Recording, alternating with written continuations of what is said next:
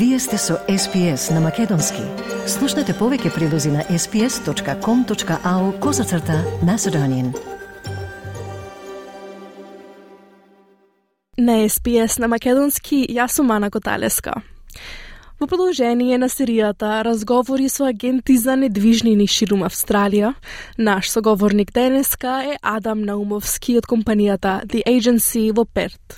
Со пооптимистичка прогноза за Западна Австралија, Перт го забележа најблагото намалување на вредноста на куките од сите други главни градови минатиот месец. Но добрата вест не се однесува на кирајджиите во Перт, за кои денес е најтешко да се дојде до покрив над глава во последнава деценија. Како и повеќето други главни градови низ Австралија, и Перт забележа намалување на продажната цена на домовите. Според извештај на компанијата CoreLogic, вредноста на куќите во Перт се намали за 0,2 одсто во септември, со што вредноста на куќите во Перт достигна просечна цена од речиси 585.000 долари. Но Адам Наумовски од The Agency вели дека ова намалување било очекувано поради високите цени на куќите во Перт во текот на пандемијата. Како што вели тој, периодот на продажба е краток, а купувачите се уште се заинтересирани. Според него, главната разлика е во пристапот на купувачите, односно дека им треба подолго време да се решат за одреден имот и дека преговараат повеќе во споредба со предходно.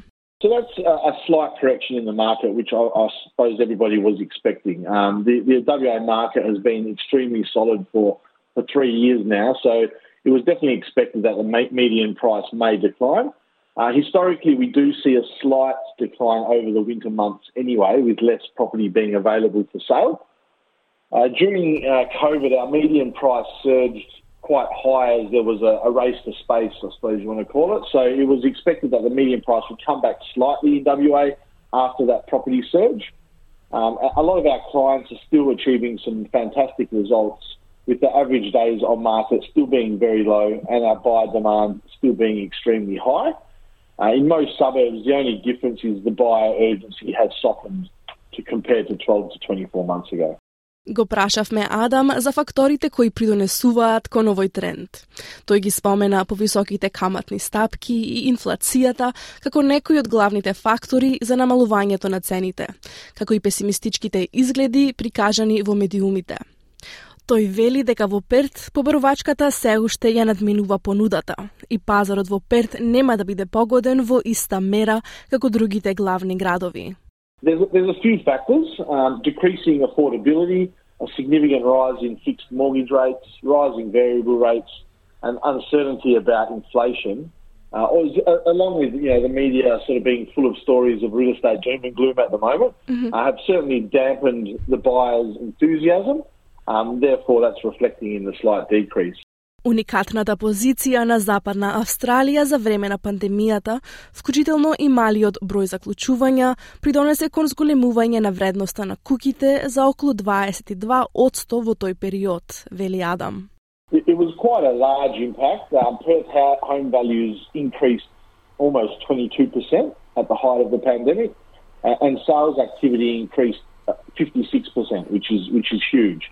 Uh, the median time to sell a to sell a home uh, dropped 43 from 43 days to 14 days. So that over you know over a 50 percent uh, decrease in the time it took to sell a property, uh, and it had a significant impact on the Perth real estate sector. Uh, and we're still experiencing high volumes uh, of demand at the moment.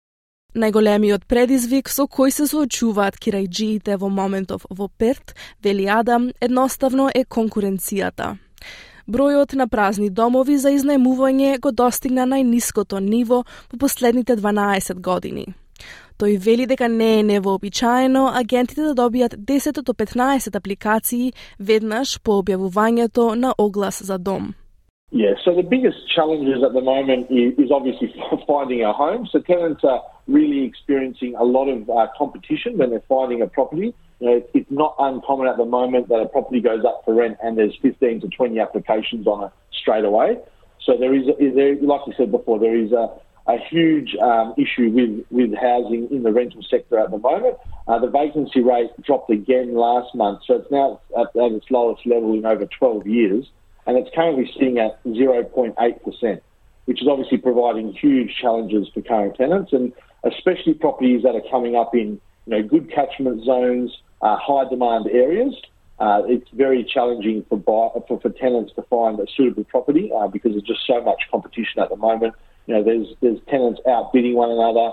Um, some tenants offering you know, six to twelve months rent up front to secure the property, which is definitely providing its challenges for, for tenants out there at the moment. Ниските стапки на достапност на домови под кирија придонесе кон тоа повеќе луѓе да го купат својот прв дом. Или поради тоа што морале да го напуштат домот што го изнајмувале, или поради тоа што не можеле да најдат друг имот за изнајмување, вели Адам. That first home buyer market, we are experiencing a lot of activity from people that have been renting. They've been either asked to vacate their property or they can't find another uh, another rental to move into. So they're now looking at if they've got, you know, if, if they can obviously make it stack up for them to, to purchase property in that first home buyer sector, you know, averaging in WA anywhere between sort of 350 to 500,000 is where we are definitely experiencing a lot more activity uh, from people that were currently, you know, currently tenants. Според Адам, има достапни домови на продажба на околу 12 километри од центарот на Перт, со просечна цена од 420.000 долари во области како Вестминста или околу 450.000 во близина на Нола Мара. Најдостапните домови се наоѓаат во населбите Камило со просечна цена од 299.000 и Госнос со 333.000. Адам вели дека истите населби се подостапни и во однос на изнајмување, а најскапите се наоѓаат во централните делови на градот, како што се населбите Dalkeith и Peppermint Grove.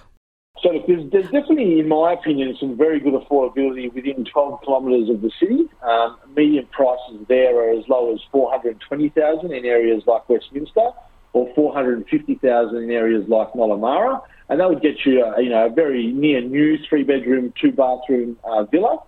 Currently, though, in Perth, the most affordable suburb is in Camillo, which is a median price of 299,000, and that's followed by Gosnells with a median price of 333,000. Well, so for renting, the most uh, affordable would be those same suburbs, so Camillo mm-hmm. and Gosnells.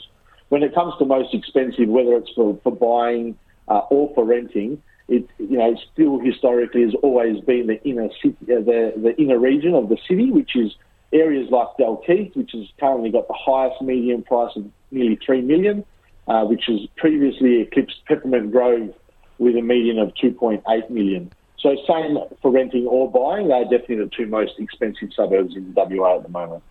Во споредба со источните држави, Перт не забележа суштински тренд во бројот на луѓе кои ги напуштаат централните подрачја за подалечните населби барајќи поголем простор. А тоа се должи на уникатното искуство на градот во текот на пандемијата, вели Адам. Според него, ако луѓето се иселуваат подалеку од градовите, тоа го прават во потрага по домови за изнајмување поради големата конкуренција на пазарот. I think it's entirely different. Obviously, we didn't go through the extent of the lockdowns that, that you guys experienced over there. So, no, we haven't really noticed that, that shift in, in WA. Obviously, you know, the biggest difference we're seeing is that, that, you know, very low vacancy rate. So people would be changing suburbs or looking to move further out just to, you know, acquire a rental or acquire some accommodation. But that wasn't really uh, dictated by the pandemic, more the fact of the low vacancy rate. Во блиска иднина, Адам очекува повеќе домови на пазарот, што е типично за летниот период. Тоа, заедно со зголемените каматни стапки, ќе значи повеќе избор за купувачите. Продажните цени би требало да останат стабилни до средината на наредната година, но пазарот за изнајмување ќе продолжи да се соочува со истите предизвици, вели Адам. Според него, недостигот и конкуренцијата ќе владеат уште некој период, а ситуацијата може и да се влоши поради силниот рударски сектор во Западна Австралија, кој носи мигранти од Австралија и странство. Yeah, coming into the summer months, I would certainly expect some more properties to come to market, which is definitely typical for this time of year. Um, either whether that's the run in before uh, Christmas and New Year or afterwards. Generally, that um, time frame between sort of the middle of January to the middle of February, we will experience more properties come to market. So when that happens, and along with rising interest rates as well, I think that will certainly uh, you know soften the market further because there'll be more properties for potential buyers to choose from.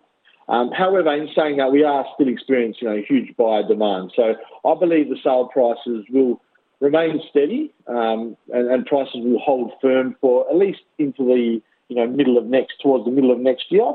After that, you know, I think maybe the prices may start to come down a little bit.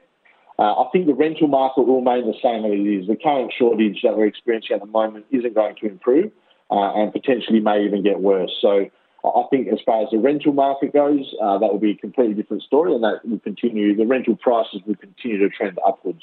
And obviously with our mining sector being so strong as well, that's just, you know, another reason why more people are migrating to WA. So, you know, once again, that will uh, tighten that, that uh, rental space as well. Стиснете, ми се допаѓа, споделете, коментирајте. Следете ја SPS на Македонски на Facebook.